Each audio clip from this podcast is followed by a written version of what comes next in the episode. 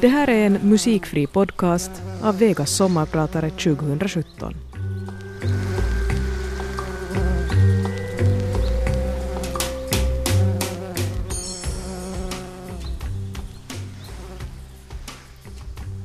Jag har sett eh, Donald Trump live bara en gång. Det hände i West Virginia som är en, en av de fattigaste staterna i USA. Han talade i en mycket förfallen och ynklig idrottshall där.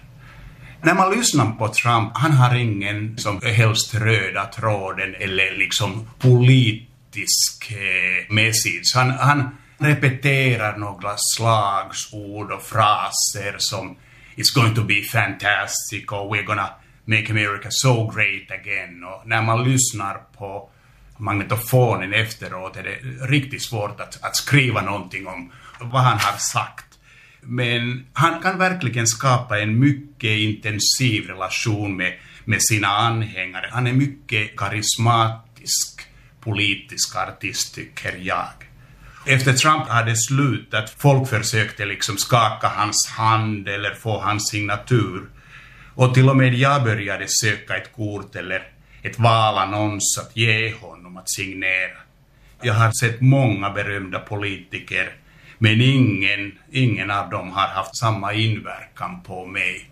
Jag tycker att han är, han är en mycket karismatisk politiker, mycket karismatisk person, men på samma tid mycket, mycket dålig president. Jag är Saska Saarikoski och jag är Radio Vegans sommarpratare idag.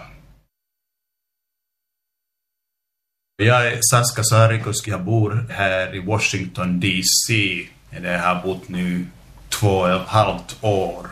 Vi kom hit med, med min familj när Laura blev vald till Helsingin Sanomat korrespondent i USA.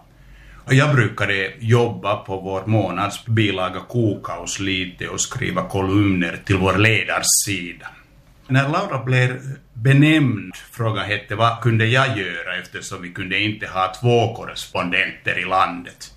Men lyckligtvis Helsingin Sanomat gav mig en chans att jobba här halvtid som en journalist. Och jag har, jag har skrivit kolumner och rapporterat om idrott och kultur och många andra saker Laura har inte haft eh, mycket tid för. Men alla våra fina planer föll ihop med Donald Trump. När han blev en kandidat, hela det politiska landskapet i landet förändrades med detsamma. När Trump först hoppade till scenen var jag helt säker att han är bara en clown som försvinner i en, en eller två månader. Jag tweetade att Trump har en chans på 0% att bli vald. Somliga av Trumps anhängare, det finns sådana även i Finland, påminner mig om min prognos med, med mycket skadeglädje. Men jag svarar till dem att visst var jag fel, men jag lärde mig ganska snabbt. Sex månader senare, i mars 2016, slog jag liksom min panna med handen och medgav att herr Trump har en bra chans att bli rikets president. Då började jag och Laura skriva en bok om Trump. Boken kom ut i september 2016 både på finska och svenska med namnet Trump och Bredens Amerika. Vi hade riktigt tur med svenska översättningen eftersom det fanns ingen bok om Trump på svenska marknaden med, med liksom två eller tre om Hillary Clinton. Jag tror att svenskarna var så förnuftiga och hyggliga att de kunde aldrig i livet tro att en karaktär som Trump skulle ha en chans att bli vald. Kanske vi finnar är lite enklare och kanske vi har lite svagare åsikter och lyssnar lite mera. Tittar på siffrorna och gallupperna. Det som hjälpte oss var att Timo Soini och hans parti heter det fortfarande Sannfinnarna på svenska, jag vet inte. Men vi hade haft vår jytky och visste hur det känns. Därför var det ganska lätt för Laura och mig att känna igen samma syner och känslor som vi hade redan kommit på i Finland. Jag tycker att det, det är mycket intressant att jämföra de, de motsatta sätten Sverige och Finland har behandlat sina populistiska partier. Sverigedemokraterna har blivit en tabu politisk paria, men i Finland sitter populisterna i regeringen. Det är som ett laboratoriumexperiment. Tiden ska visa vilket sätt har bättre resultat. Jag har en känsla att jag känner Donald Trump mycket bra, även om jag har sett honom live bara en gång. Det hände i West Virginia där han hade sitt valevenemang förra maj. Trumps sätt att tala är väldigt improviserat. Han har ingen röda tråd i sitt tal. Någon har sagt att Trump är som en talande häst. Han säger sällan något klokt eller intressant, men det är omöjligt att låta bli att lyssna på honom eftersom det är nog ganska utomordentligt att ha en häst som kan tala. Hela media är som förtrollad av Trump. Varje morgon när vi vaknar, vår första tanke är, har Trump tweetat någonting hemskt? Varje gång vi öppnar tidning eller TVn, folk talar om Trump, Trump, Trump. Jag, jag, jag är så trött på honom. Det är väldigt roligt att skriva om korriboll eller, eller böcker, om någonting helt annat än herr Trump. Det är omöjligt att förutsäga vad som kommer att hända med Trump. Just nu efter nästan tre månader det ser ganska illa ut för honom. Trump har börjat förstå att han kan inte dansa och tweeta genom sin presidentskap. Som president man kan inte improvisera.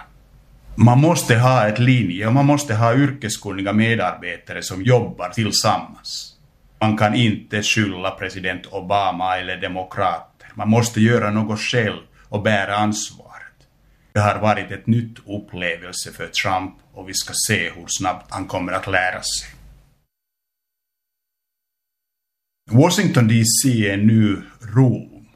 Alla vägar leder nu till Washington. Det känns mycket speciellt att bo här. Washington är på sätt och vis världens mittpunkt. Jag börjar mina dagar med tre tidningar. The New York Times, Washington Post och Wall Street Journal. Jag kollar på CNN och Fox och förstås min egen tidning Helsingin Sanomat. Jag har aldrig i mitt liv varit lika bra informerad som just nu. Många i Finland tror att amerikanerna vet väldigt lite om världen. Det är inte sant, åtminstone inte här i DC. Tidningarna följer noggrant vad som händer i Kina, i Nordkorea, i Myanmar, i Ecuador, i Venezuela. The world is my oyster, amerikanerna säger. Det som jag gillar i Amerika är att, att journalister och politiker talar om världen som de är deltagare, inte åskådare. Vad kan vi göra? Vad borde vi göra? Hur kan vi avgöra problemet? Vi är ansvariga. I Finland, världen är, är ofta långt ifrån. Det är alltid någon annan som borde göra något. Ofta är det Förenta Staterna. Tyvärr har samma attityden nu krupit till USA med Trump och hans USA först nationalismen. Alla tänker att någon annan borde göra något, då blir det svårt. När jag följer Finland eh, från Washington, de flesta saker som finnar talar om eller fightar om ser ganska små ut. Vad händer med Malmö flygplats? Borde vi ha Guggenheim konstmuseum? Är sommartiden bra eller dålig? De är viktiga saker i Finland men ganska harmlösa och små i den stora världen. Jag försöker att hålla tyst för eh, det låter väldigt övermodigt att tala, tala ut. Men jag är inte en karl som kan hålla käften länge.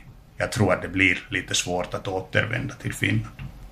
Eh, men på många sätt Finland ser ut som ett paradis jämfört med USA.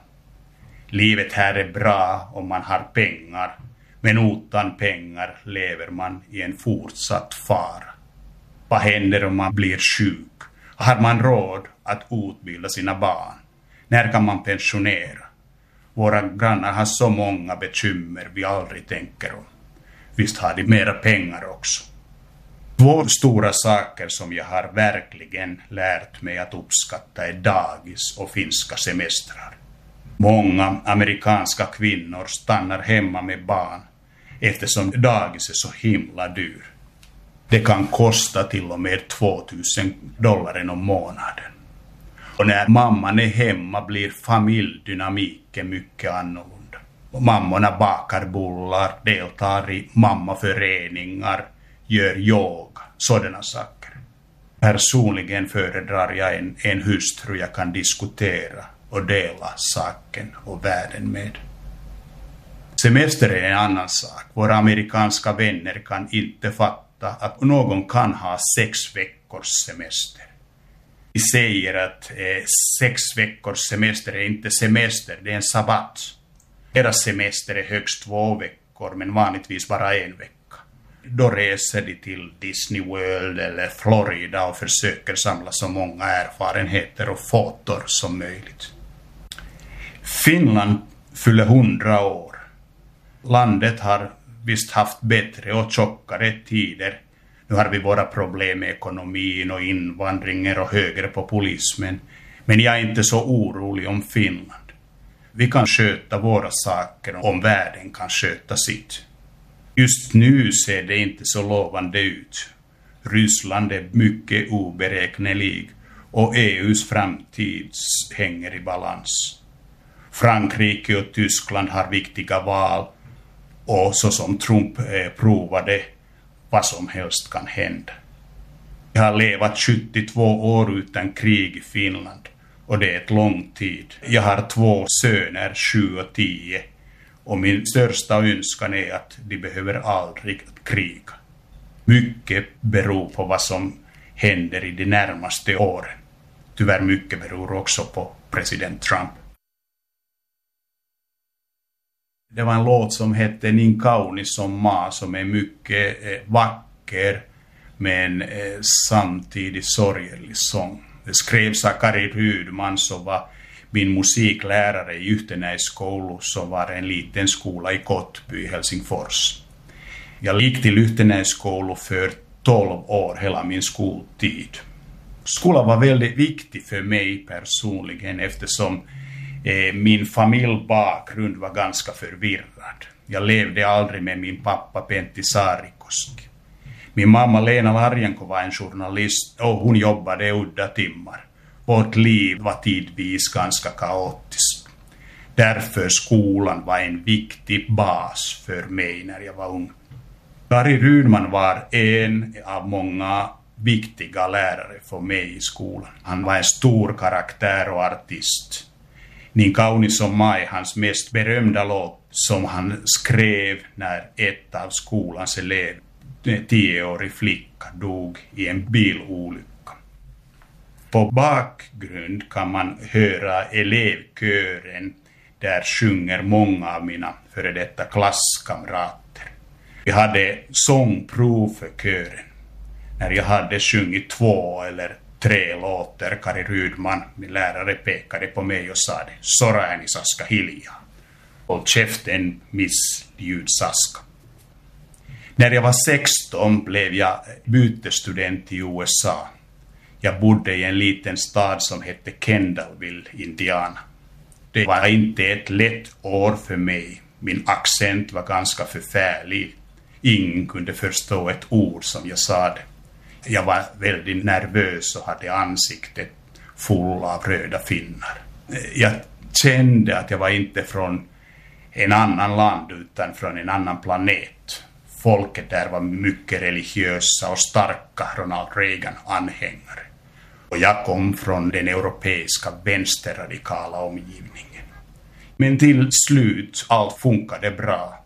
Jag spelade korriboll och simmade och stötte kula och blev starkare och lyckligare och till och med finnarna försvann. Men Jesus hittade jag inte.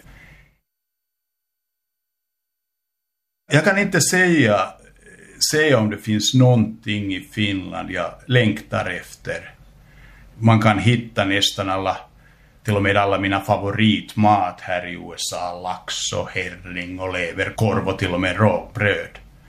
Somrarna i Finland är unika i sin intensivitet. Naturen försöker sköta sina affärer så fort som möjligt. Det är jävla bråttom att äta och växa och älska innan frosten kommer. Sommaren är kort så som Thomas Ledin sjöng.